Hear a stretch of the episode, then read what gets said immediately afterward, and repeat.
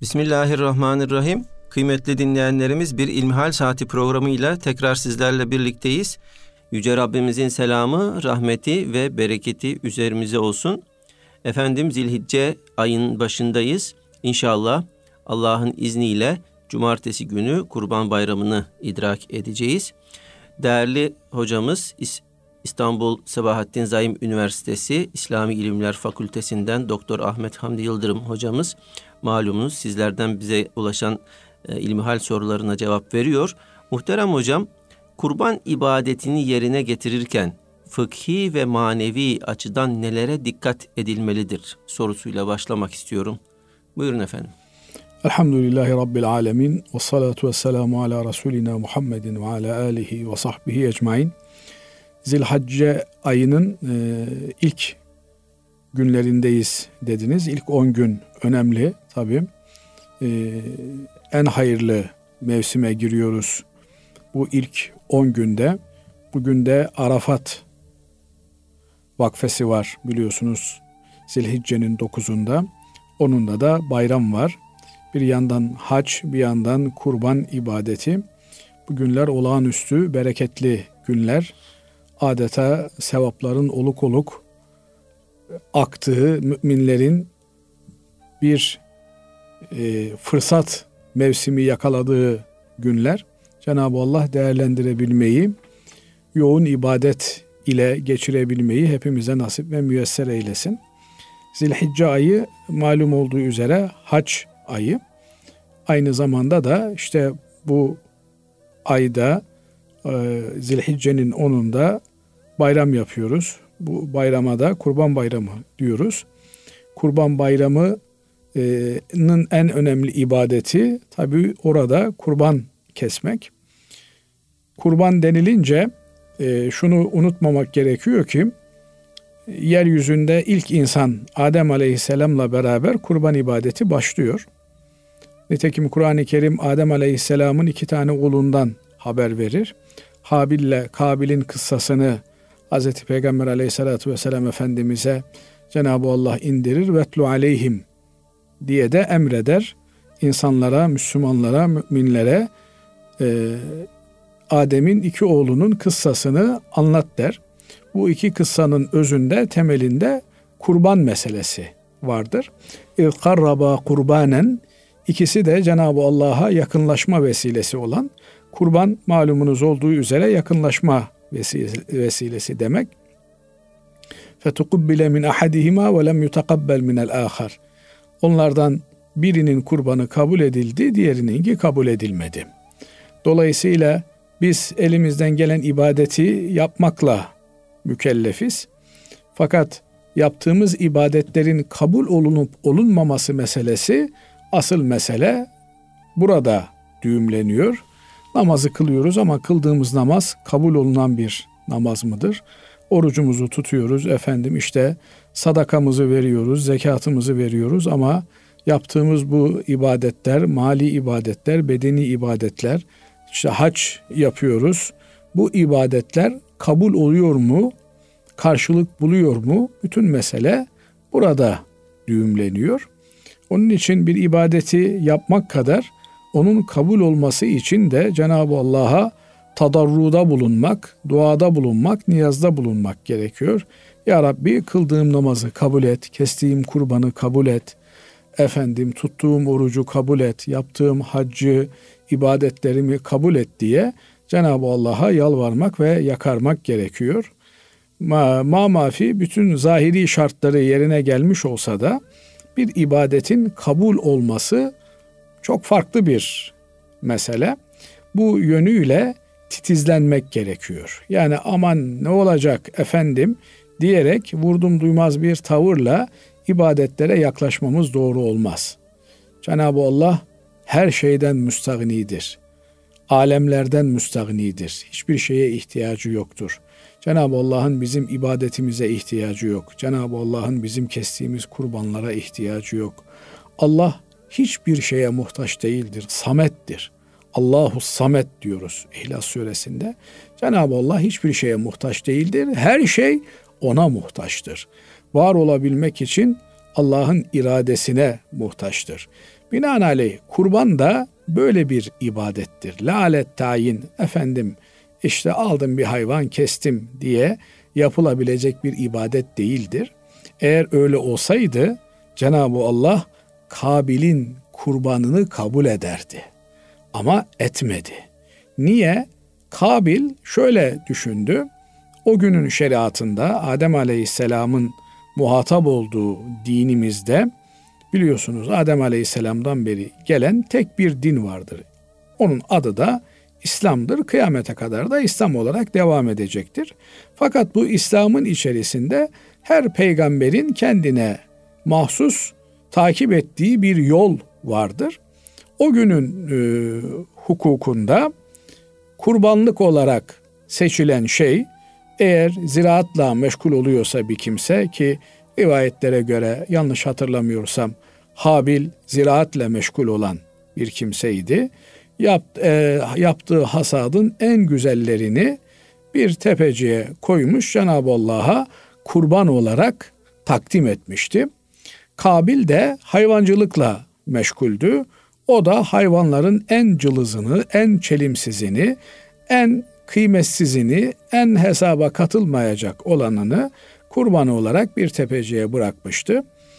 Ee, yine o günün e, usullerinde Cenab-ı Allah kabul ettiği e, kurbanla ilgili gökten bir ateş geliyor ve ateş o kurbanı imha ediyordu.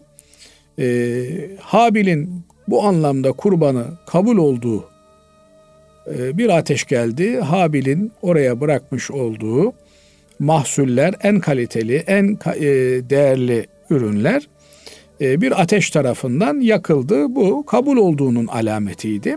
Ama Kabil'inkiler öyle olmadı, kabul edilmedi.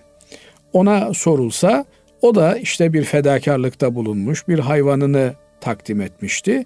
Fakat özensiz olduğu için, dikkatsiz olduğu için gerekli e, kalbi kıvama kavuşmadığı için onun kurbanı kabul edilmemiştir. E, bu kurban bayramı olarak bizim e, örfümüzde, geleneğimizde bilinen bayramın Arapça karşılığı Aydul Adha'dır.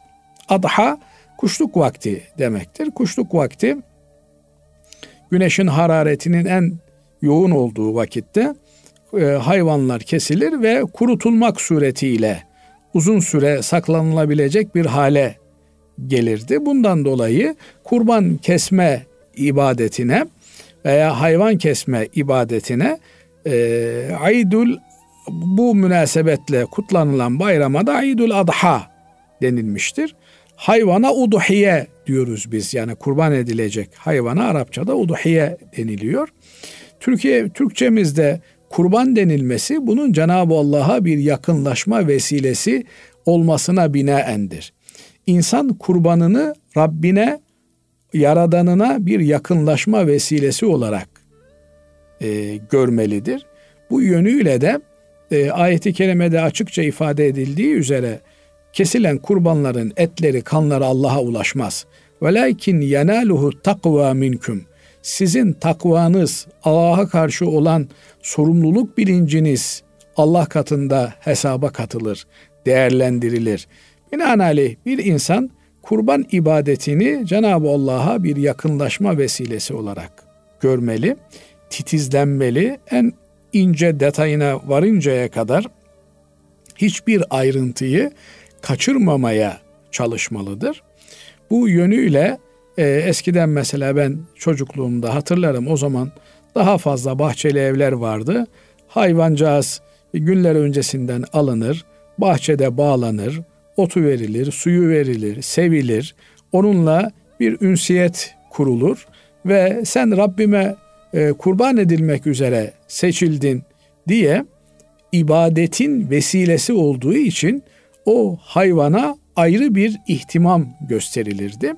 Binaenaleyh bu hususlara dikkat etmek lazım. Yani imkanı olanların muhakkak birkaç gün önceden hayvanlarını evlerine, bahçelerine getirmeleri, eğer köy gibi imkanları varsa oralarda kurbanı çoluk çocuk bizatihi kendilerinin kesmesi ve o kurban atmosferine girmeleri gerekir. Çünkü kurban bir yönüyle de İbrahim Aleyhisselam'ın İsmail Aleyhisselam'ı Allah'a adamasını sembolize eder.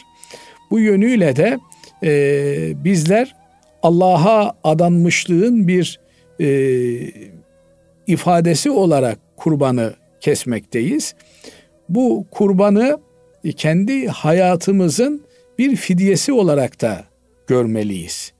Bundan dolayı en ince detayına e, varıncaya kadar bir farkındalık içerisinde kurban ile meşgul olmalıyız. Eğer kendimiz kesemiyorsak o zaman e, kesebilen ehil kimselere vekalet vermek suretiyle ama behemhal o kurbanın başında bulunmak, o kurbanın e, kesilişine tanıklık etmek, onun akan kanıyla beraber içimizdeki her türlü kötü hissiyatı da dışarıya vurup akıttığımızı düşünerek ve o hayvanla beraber bizim de Allah'a yakınlaşmamıza bir e, vasıta olarak bunu değerlendirmemiz lazım. Bu yönüyle e, hayvan alımından hayvanın kesimine kadar daha sonra etinin parçalanıp fakir fukaraya dağıtılmasına kadar bir cümle meseleyle en incesinden bizatihi kendimizin meşgul olmasına dikkat etmemiz gerekiyor.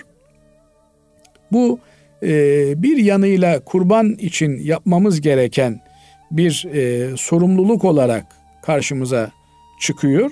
Diğer taraftan da kurbanın her türlü olumsuz eylemi terk etme olarak tecelli ettiğini de unutmamamız lazım geliyor.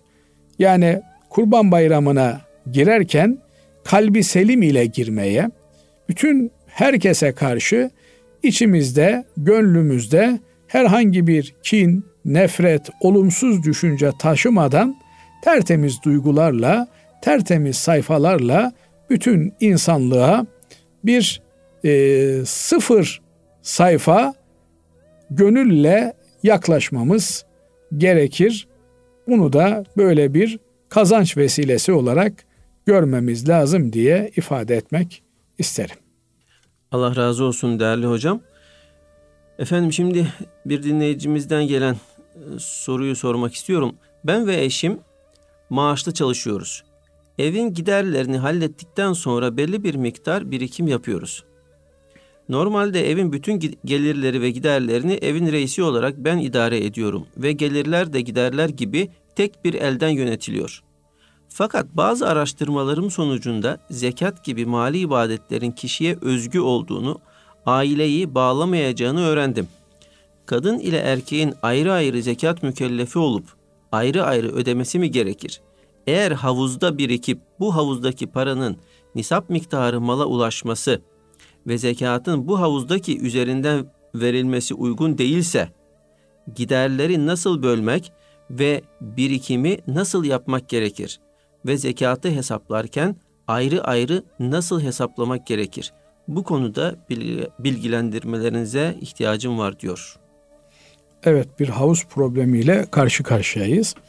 Benim matematiğim iyi değildi ama havuz problemleriyle ilgili de pek mahir olduğum söylenemez. Ancak burada temel bir mesele var. O da e, hakikaten her dünyaya gelen insanın bir ehliyeti vardır. Yani e, lehinde ve aleyhinde olan sorumluluklar, yükümlülükler, efendim alacaklı olma durumu söz konusudur. Ee, anne karnına düşen ceninden tutun da ölünceye kadar her insanın böyle bir ehliyeti, bir e, yükümlülük ve alacaklılık durumu vardır. Elbette bülü çağına gelinceye kadar borçluluk meselesi, yükümlülük meselesi söz konusu değildir ama alacağının oluşması, onun bir zimmetinin oluşması yani kendine müstakil bir mülkiyet edinme hakkının varlığı söz konusudur. Zaman zaman konuşuyoruz, ifade ediyoruz, dillendiriyoruz. Çocuklar mesela e, dünyaya geldiklerinde yakın akrabası çocuklara altın takıyor, para hediye ediyor vesaire filan. Bunlar ya çocuğa takılıyordur, çocuğun kendi malıdır ya da annesine babasına veriliyordur, annesinin babasının malıdır. Binaenaleyh e, hele de yetişkin bir birey olduktan sonra herkesin kendi müstakil bir mülkiyeti vardır, bir cebi vardır, bir cüzdanı vardır. Onun üzerinden zenginlik veya fakirlik söz konusu olur. Bir aile kadından ve erkekten oluşuyor. E, fakat bu kadın ve erkeğin her birinin kendine müstakil bir mülkiyeti söz konusudur. Bunlar ortak harcama yapsalar da, ayrı harcama yapsalar da nihayetinde yarın öbür gün efendim e, bir ayrılık durumu söz konusu olduğunda Allah başa vermesin. Herkes kendi malını alıp bir kenara çekilecektir. Biz efendim karı kocayız diye sahip olduğumuz bütün malı ortadan ikiye bölmemiz lazım gelir. Türünden bir anlayış, İslami bir anlayış değildir. Kimin babasından, atasından çalışmış, etmiş, bir kabiliyeti var, onu geliştirmiş, oradan bir servet edinmişse o kendi mülkü olarak tescillenir. Burada soruyu soran kardeşimizin sualinden anlıyoruz ki efendim kendisi erkek olarak çalışıyor. Hanımı da ona münasip bir yerde çalışıyor. İki maaş eve giriyor. Bu iki maaşın ikisi de kim tarafından kazanılıyorsa onlarındır.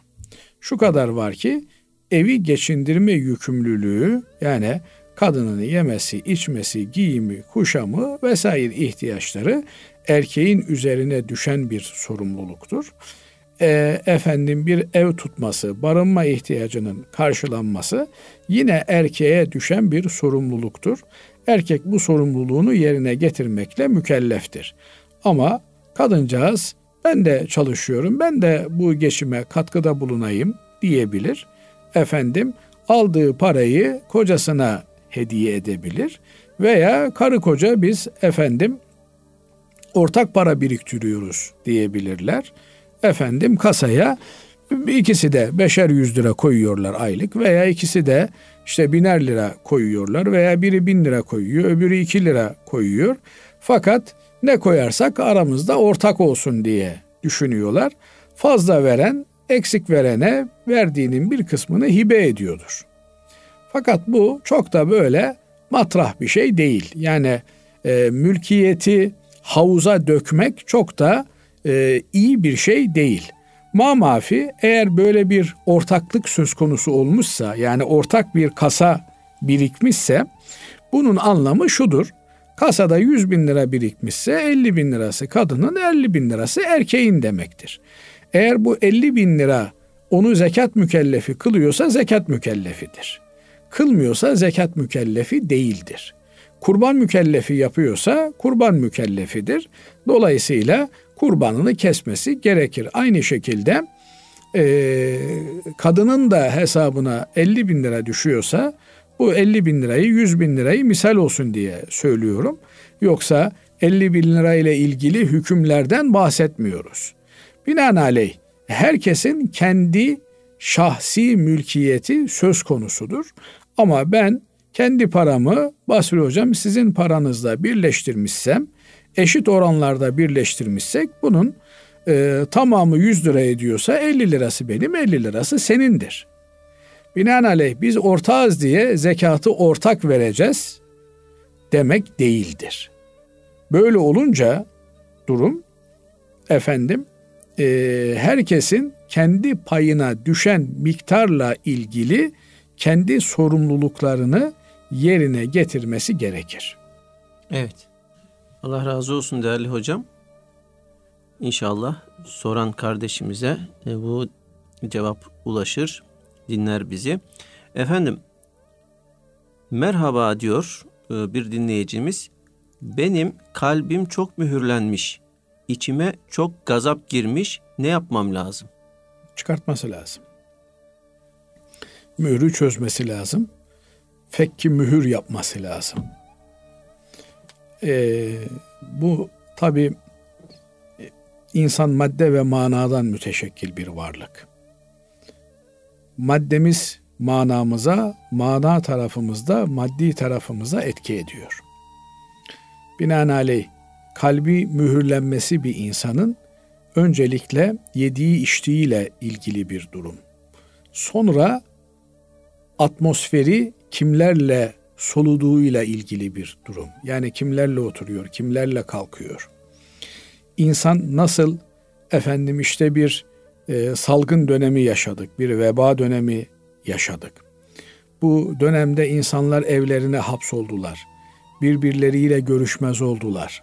Efendim sokağa çıkma, toplu taşıma araçlarını kullanma mecburiyeti olduğunda maskeler takıldı. Niye? Atmosferde, ortamda mikrop var.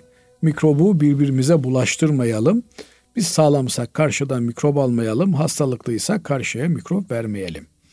Bu maddi olarak böyle olduğu gibi manevi olarak da böyledir. Dolayısıyla bir insan kimlerle oturup kalktığına bakmalı.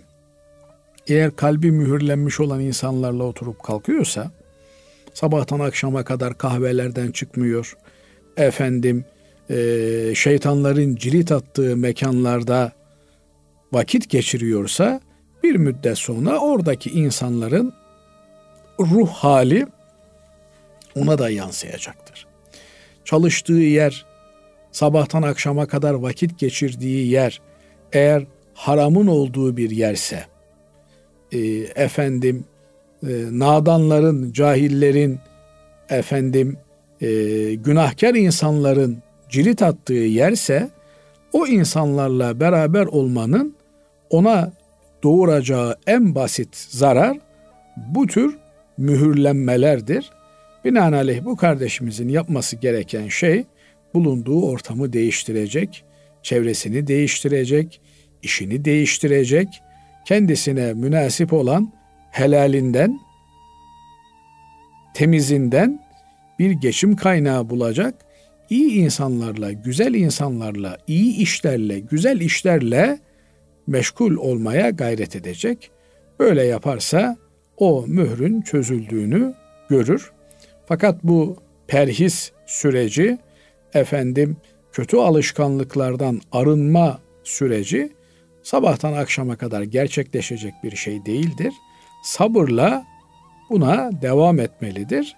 Ma mafi bu tedavi sürecinde de uzman bir doktorun rehberliğine ihtiyacı vardır. Bu hususu da ihmal etmemelidir. Allah razı olsun kıymetli hocam. Değerli dinleyenlerimiz şimdi kısa bir ara vereceğiz. Aradan sonra inşallah kaldığımız yerden devam edeceğiz. Kıymetli dinleyenlerimiz İlmihal Saati programımıza kaldığımız yerden devam ediyoruz. Değerli hocam dinleyicimiz şöyle bize yazmış. Bundan sonra sünnet namazlarını kılacağım diyen birisi için artık sünnet namazları vacip mi olur? Kılmazsa azap var mıdır diye soruyor. Şimdi bir Müslüman Hazreti Peygamber aleyhissalatü vesselam Efendimiz'e tabi olmak ve onu hayatının her alanında rehber olarak kabul etmekle yükümlüdür. Binaenaleyh Efendimiz aleyhissalatü vesselam ne yapmışsa biz de onu yapmaya, neyi yapmamışsa biz de onlardan uzak durmaya gayret etmek durumundayız. Hz. Peygamber aleyhissalatü vesselam Efendimizin yaptığı şeyleri hayatında olan sahabe-i kiram efendilerimiz aynen taklit etmişlerdir. Ondan sonra e, ondan gelen rivayetlerin bir subutu açısından bir de delaleti açısından değerlendirildiğini görüyoruz ve bunların etrafında teknik bir mesele olarak farz, vacip ve sünnet diye taksimatın yapıldığını gözlemliyoruz. Binaenaleyh bir Müslüman için aksi bir durum söz konusu olmadığı sürece Hz. Peygamber aleyhissalatu vesselam Efendimiz'den gelen ibadet hayatını aynen tatbik etmeye çalışmak esastır, asıldır. Fakat bunların içerisinde farz olanları mutlak surette yapmak, vacip olanları mutlak surette yapmak durumundadır. Sünnet olanlar ise yani alimlerimizin Hz. Peygamber aleyhissalatü vesselam Efendimiz bunu zaman zaman yaptı, zaman zaman yapmadı. Yapılmasını tavsiye etti. Ama kendisi de her daim yapmadı. Arada bir terk ettiği de oldu diye not düştükleri ibadetleri sünnet olarak değerlendiririz. Elimizden geldiği kadar bunları yapmaya gayret ederiz. Bir Müslüman ben Hazreti Peygamber aleyhissalatü vesselam Efendimizin sünnetlerini takip edeceğim bundan sonra. Duyduğum her sünneti yapacağım diye kendisine telkin verir. Kendisine bu yönde e, elbette niyet oluşturma çabası söz konusu olur. Fakat bunlar adak yerine geçmezler bu tür ifadelerle. Binaenaleyh adak olacak olan şey şu işi Allah için yapmaya söz verdim türünden bir ifadeyle gerçekleşir. Yoksa bir Müslüman hayatının her alanında Hz. Peygamber aleyhissalatü vesselam Efendimizin sünnetine tabi olmayı esas bir ilke olarak benimser böyle de olmak durumundadır. Ama zaman zaman efendim e, nefsimize yenik düştüğümüz, zaman zaman bir takım engellemeler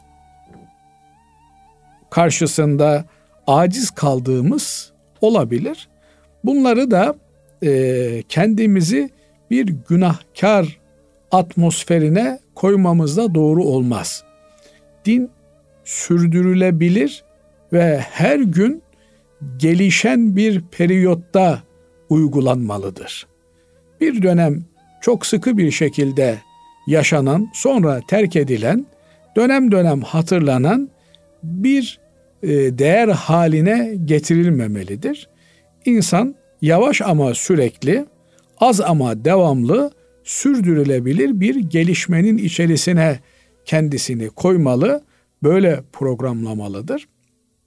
Bunu yaparken de çok iddialı sözlerle değil, Allah'a tevekkül ederek dinin hiçbir noktasını basit görmeksizin elinden gelen gayretleri teşebbüse dönüştürmek durumundadır insan. Böyle yaparsa e, hem e, maddeten hem manen huzur içerisinde olur. Cenab-ı Allah az ibadetimize ihlasla büyük sevaplar lütfeder. Mesele ibadeti kemmiyet olarak çoğaltmak değil, keyfiyet olarak, nicelik olarak, nitelik olarak e, meselesinde niteliğin bir kıvam kazanması önemlidir. Kaliteli ibadet yapmak önemlidir. İhlaslı olmak önemlidir. Nitekim Efendimiz Aleyhisselatü Vesselam o kaliteye vurgu yapmak üzere ashabımın verdiği yarım hurma, yarım dirhem yüz binlerce dirhemi geçmiştir buyurmaktadır. Yani ihlasla verilen yarım dirhem, bir dirhem yüz bin dirhemi geçebilmektedir. Önemli olan nicelik değil, niteliktir. Kemmiyet değil, keyfiyettir. Dolayısıyla bir Müslüman da ibadetinde Allah rızasını gözetmeli ve sürdürülebilir, sürekli uygulanabilir bir tarzı benimsemelidir. Evet. Değerli hocam, bir diğer dinleyicimiz şöyle bize yazmış. Ben Müslümanlara kafir demekten, kafirlere de Müslüman demekten çok korkuyorum. Bazen oluyor ki namaz kılan kişiler olsa da küfür sayılan sözler söyleyebiliyorlar. Bu durumda küfür söyleyen kişi namazına devam da etse Müslüman sayılır mı? Şimdi tabii e, söz vardır, sözden içeri diye bir ifade var. E, bir insanın kafir olmasıyla söylediği sözün küfür sözü olması arasında doğrudan bir bağlantı kurmak doğru bir şey değildir. Bir insanın söylediği bir söz hangi bağlamda söylenmiş, hangi niyetle söylenmiş ve ne neticeyi elde etmek üzere ağızdan çıkmış, söylenmiş gibi noktaları göz ardı etmemek lazım gelir. Adam sinirlenmiş, bunu yapan işte Yahudi olsun demiş. Sonra da yapmış. Şimdi sen böyle demiştin, sen Yahudi oldun, efendim gavur olsun demiştin, gavur oldun, Hristiyan olsun demiştin, Hristiyan oldun denmez. Bu tür ifadeleri kitaplarımız adam sözünü pekiştirmek için kullanmıştır. Bir yemin ifadesi olabilir şeklinde değerlendirmişler. Buradan da anlıyoruz ki sözün küfür sözü olması o sözü söyleyenin behemhal kafir olduğu anlamına gelmez. Nitekim e, akaiddeki temel kurallarımızdan bir tanesi de lazimul mezheb feleyse bir mezheb ilkesidir. Yani bir sözün dolaylı anlamı onun direkt doğrudan anlamı olarak alınmaz. Efendim adam demiş ki ben Karl Marx'ı seviyorum. E Karl Marx da İslam düşmanıydı, din düşmanıydı, din afyondur diyen bir herifti. Demek ki bu adam dini afyon olarak görüyor. Dinin bir hakikati olmadığını düşünüyor. Bu adam da dinden imandan çıktı denmez. Kim bilir belki sakallarından dolayı seviyordur Karl Marx'ı. Binaenaleyh bir söze söyleyeninin yüklemediği bir anlamı biz kendiliğimizden yükleyerek onu o sözün yüklediğimiz anlamıyla sorumlu tutamayız. Bundan dolayı bir kimse açıkça küfür sayılacak olan bir şeyi yapmadığı sürece mesela adam namaz diye bir şey yoktur kardeşim. Namazı işte Bedevi Araplar spor olsun diye uydurmuşlardır diyorsa bu tür bir ifade adamı dinden imandan eder. Efendim dinin mukaddesatına karşı bir hakareti olursa bu tür şeyleri yapanların dinden imandan çıktığını söyleyebiliriz. Ama dolaylı olan ifadeler efendim tevile e, yorumlanabilmeye açık olan ifadelerle bir kimseyi namaz kıldığı halde ki yine ehli sünnetin temel prensiplerinden bir tanesi ehli kıble tekfir edilmez. Ne demek? Yani ehli kıble, kıbleye dönüp de namaz kılıyorsa bir insan öldüğünde Müslümanların kabristanına defnedilir. Sen Müslüman değilsin, sen şöyle bir düşünceye sahiptin, sen şu partiye oy veriyordun, sen şu efendim cemiyete üyeydin diye din dairesinden, iman dairesinden bir insan çıkartılmaz.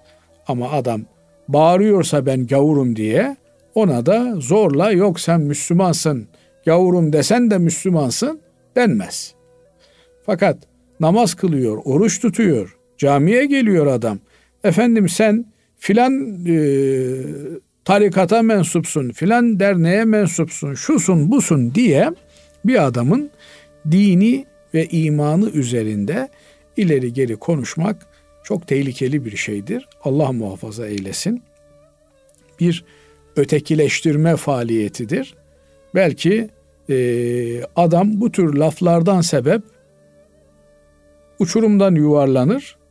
Onun da vebali bize kalmış olur Allah muhafaza eylesin. Evet. Başka bir dinleyicimiz selamünaleyküm hocam diyor. Ben çalışmıyorum, iş arıyorum ama hangi işin benim için hayırlı olduğunu bilmiyorum. Ne yapmalıyım? İlk bulduğu işe girmeli. İlk bulduğu işi kabullenmeli. Efendim maaşı azmış, çokmuş, çok yoruluyorum, şunu yapıyorum, bunu yapıyorum dememeli. Cenab-ı Allah Müslümanların çalışmasını, iş yapmasını istiyor. Ve kul i'melu de ki çalışın. Allah, Resulü ve müminler sizin işinize, amelinize bakarlar. Binaenaleyh eğer haram bir alanda değilse, kişinin dinini, imanını tehlikeye atacak bir durum söz konusu değilse, bir insan bulduğu işi kabul etmeli. işi kabul ettikten sonra daha iyi bir fırsat çıkarsa efendim işverenle de şu kadar bu kadar diye bir zaman konuşmamışsa helallik alır. Kardeşim ben burada seninle 6 ay çalıştım. Efendim Allah senden razı olsun. Hakkını helal et. Müsaaden olursa şu filan işe geçmeyi düşünüyorum. Niye geçiyorsun kardeşim ne güzel çalışıyorduk filan diyecek olursa işveren e sen bana 10 lira veriyorsun orası 20 lira veriyor. İş daha rahat. E, sen bu pozisyona başkasını da bulursun. Müsaaden olursa ben geçeyim diyebilir bir insan. Efendim karşılıklı rıza ile o işi bırakıp yeni bir işe başlayabilir. Ama işsiz bir adam avara avare dolaşıyor. Efendim 10 bin lira teklif etmişler, 5 bin lira teklif etmişler. Yok efendim bu paraya çalışılır mı? Ben niye çalışacağım? Türünden iş beğenmemezlik yapmamalı. Ama öyle işler vardır ki insan aç kalsa bile o işleri yapmaz. Efendim işsizim diye de tutup böyle bir insan şerefine, haysiyesine yakışmayacak bir Müslümanın yapmayacağı işlere de bir insan gidip bulaşmaz.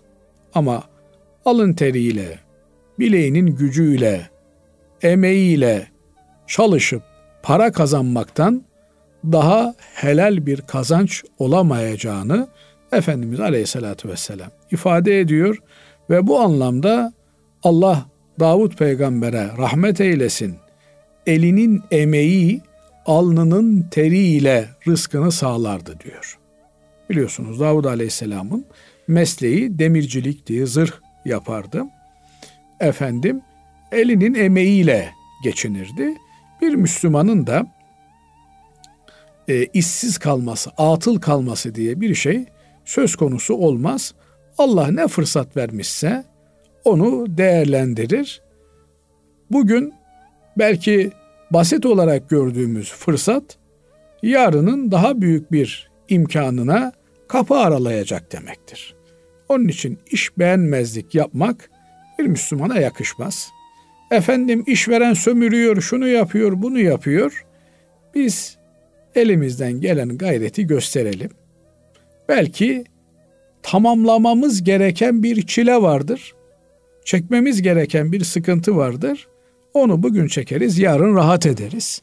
Ama yok bugün rahat yaşayayım, sonra sıkıntıyı çekeyim derse bir insan daha sonra daha kendisine zor gelir.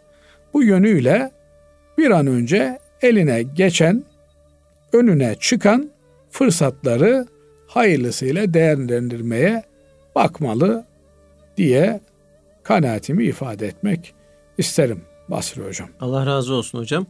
Efendim e, bugünlük son sorumuz şöyle. Selamünaleyküm hocam diyor dinleyicimiz. Ortak ATM'lerden para çekerken komisyon alınıyor. Bu ATM cihazlarını kullanmak caiz midir? Şimdi yani oraya ATM'yi adam koymuş. Koyduğu yere kira ödüyor. Elektrik masrafı var. Bakım masrafı var. Parayı götürüp oraya koyma masrafı var. Sen de diyorsun ki ben buradan parayı çekeyim ama ödeme yapmayayım. Efendim e, bu çok makul bir şey değil. Bir şey mi diyeceksiniz? Evet hocam. E, bu sizin söylediklerinize ilave olarak acaba belki de şunu da kastetmiş olabilir. Hani e, konvansiyonel bankalar e, ATM'lerini de e, düşünmüş olabilir diye aklıma geldi. Yani çekmeyeceksin o zaman. Biraz zahmet edeceksin. Kendi bankanın efendim şubesine, ATM'sine gideceksin. Ama e, eğer gidemiyorsan belli bir maktu ücret ödüyorsa yani diyelim ki işte 100 bin liraya kadar çekeceksin veya 10 bin liraya kadar çekeceksin 5 lira maktu bir ücret alıyor. Bu verdiği hizmetin karşılığında aldığı bir ücrettir. Bunda bir sakınca olacağını düşünmüyorum. Binaenaleyh bunu faizli bir muamele olarak görmek e, çok bana makul gelmiyor. Ama e, eğer oraya bir para yatırmışsınız veya nakit para çekiyorsunuz. Nakit çektiğiniz paraya karşılık e, size bir yükümlülük yani karşılığı olmaksızın e, bir para çekiyorsanız ve ona karşı da bir faiz bindiriyorsa durum farklı bir şey. Fakat siz söz gelimi X bankasının müşterisisiniz de Y bankasının ATM'si ile ortak bir anlaşmaları var. Başka bir bankanın e, parasını da mevduatını da oradan çekebiliyorsunuz. Bununla ilgili yaptığı bir hizmet söz konusu, bir masraf söz konusu. O masrafın mukabilinde maktu bir ücret almasında bir problem olmayacağı kanaatindeyim. Ama işin hassasiyeti noktayı nazarından değerlendirildiğinde e, Müslüman tedbirini almalı. E, olabildiğince parasını e, doğru dürüst insanlarla hem onlardan kazanmalı hem onlara harcamalı. Böylelikle ekonomik olarak da kendi gibi düşünenleri koruyup kollamaya gayret etmelidir. Maalesef böyle bir e, problemimiz de söz konusu. Paranın dini imanı olmaz diye bir kabul ortalıkta dolaşıyor. Binaenaleyh ticarette e, karşına fırsat olarak kim geçerse onunla ticaret yaparsın türünden bir e, fırsatçı yaklaşım zaman zaman görülüyor. Bir Müslüman buna da dikkat etmeli. Ticaretini olabildiğince Müslümanlarla yapmaya. Nitekim Efendimiz Aleyhisselatü Vesselam yemeğini Müslüman yesin diyor. Yani senin e, parandan e, veya senin ticaretinden kazanç sağlayacak, senin alışverişinden kazanç sağlayacak kimselerin de seninle aynı kaygıları paylaşan kişiler olmasına dikkat etmen önemli. Ticaretini de bu anlamda yapman önemli. Ticareti dinden bağımsız olarak görmemek lazım. Nitekim Efendimiz Aleyhisselatü Vesselam sadık tacir peygamberlerle beraberdir diyor. Yani e, peygamberler ne ücret alırsa sadık tacirler, dürüst olan ticaret erbabı da aynı ücreti alacak. Peki hani eşit işe eşit ücret ödenirdi? Eşit ücret varsa eşit işin de olması lazım gelir. Dolayısıyla acaba sadık, dürüst tacir ne iş yapıyor ki peygamberlerle aynı e, makamı, mevkiyi elde ediyor? Peygamberlerin birinci vazifesi tebliğdir. Demek ki dürüst tacirin de ilk vazifesi dinini tebliğ etmek olmalıdır. Bir Müslüman tacirin maksadı para kazanmaktan önce gönül kazanmaktır. Güzel muamele etmektir. Gönül kazandı mı o gönül beraberinde muhataplarının Müslümanlaşmasını da doğurur. Onun için Müslüman tacirin arkasında tabiri caizse yumurta küfesi vardır. O istediği gibi böyle hareket edemez yapacağı en ufak bir yanlışın dinine, imanına mal olacağını bilir, ona göre dikkat eder. 3-5 kuruş kazanmak uğruna dininden, imanından taviz veremez. Aksine belki para kaybetmeyi, güven kaybetmeye tercih eder. Evet. Yani bu nokta önemli. Güven ne demek? İman demek imanını kaybetmektense para kaybeder. Birilerinin imanı gideceğine parası kaybolsun. Parasını tekrar telafi etmek mümkün ama kaybolan imanı telafi etmek mümkün değildir. Bu yönüyle Müslümanlar parayı kazanırken de harcarken de hassas olmalılar. Nitekim paranın iradesi yoktur denilir. Yani Para nereden gelirse oraya doğru gider. Mamafi bir paranın nereden kazanıldığını merak ediyorsan nereye harcandığında bak denilir. Evet. Onun için Müslüman e, para benim param değil mi? İstediğimden gider alışveriş yaparım. dememeli. Alışverişini yaparken de olabildiğince Müslüman olanı tercih etmeli. Allah razı olsun kıymetli hocam. Efendim e, bir İlmihal Saati programımızın daha sonuna ermiş bulunuyoruz. Kıymetli dinleyenlerimiz hepinize hepinizi Allah'a emanet ediyoruz. Hoşçakalınız.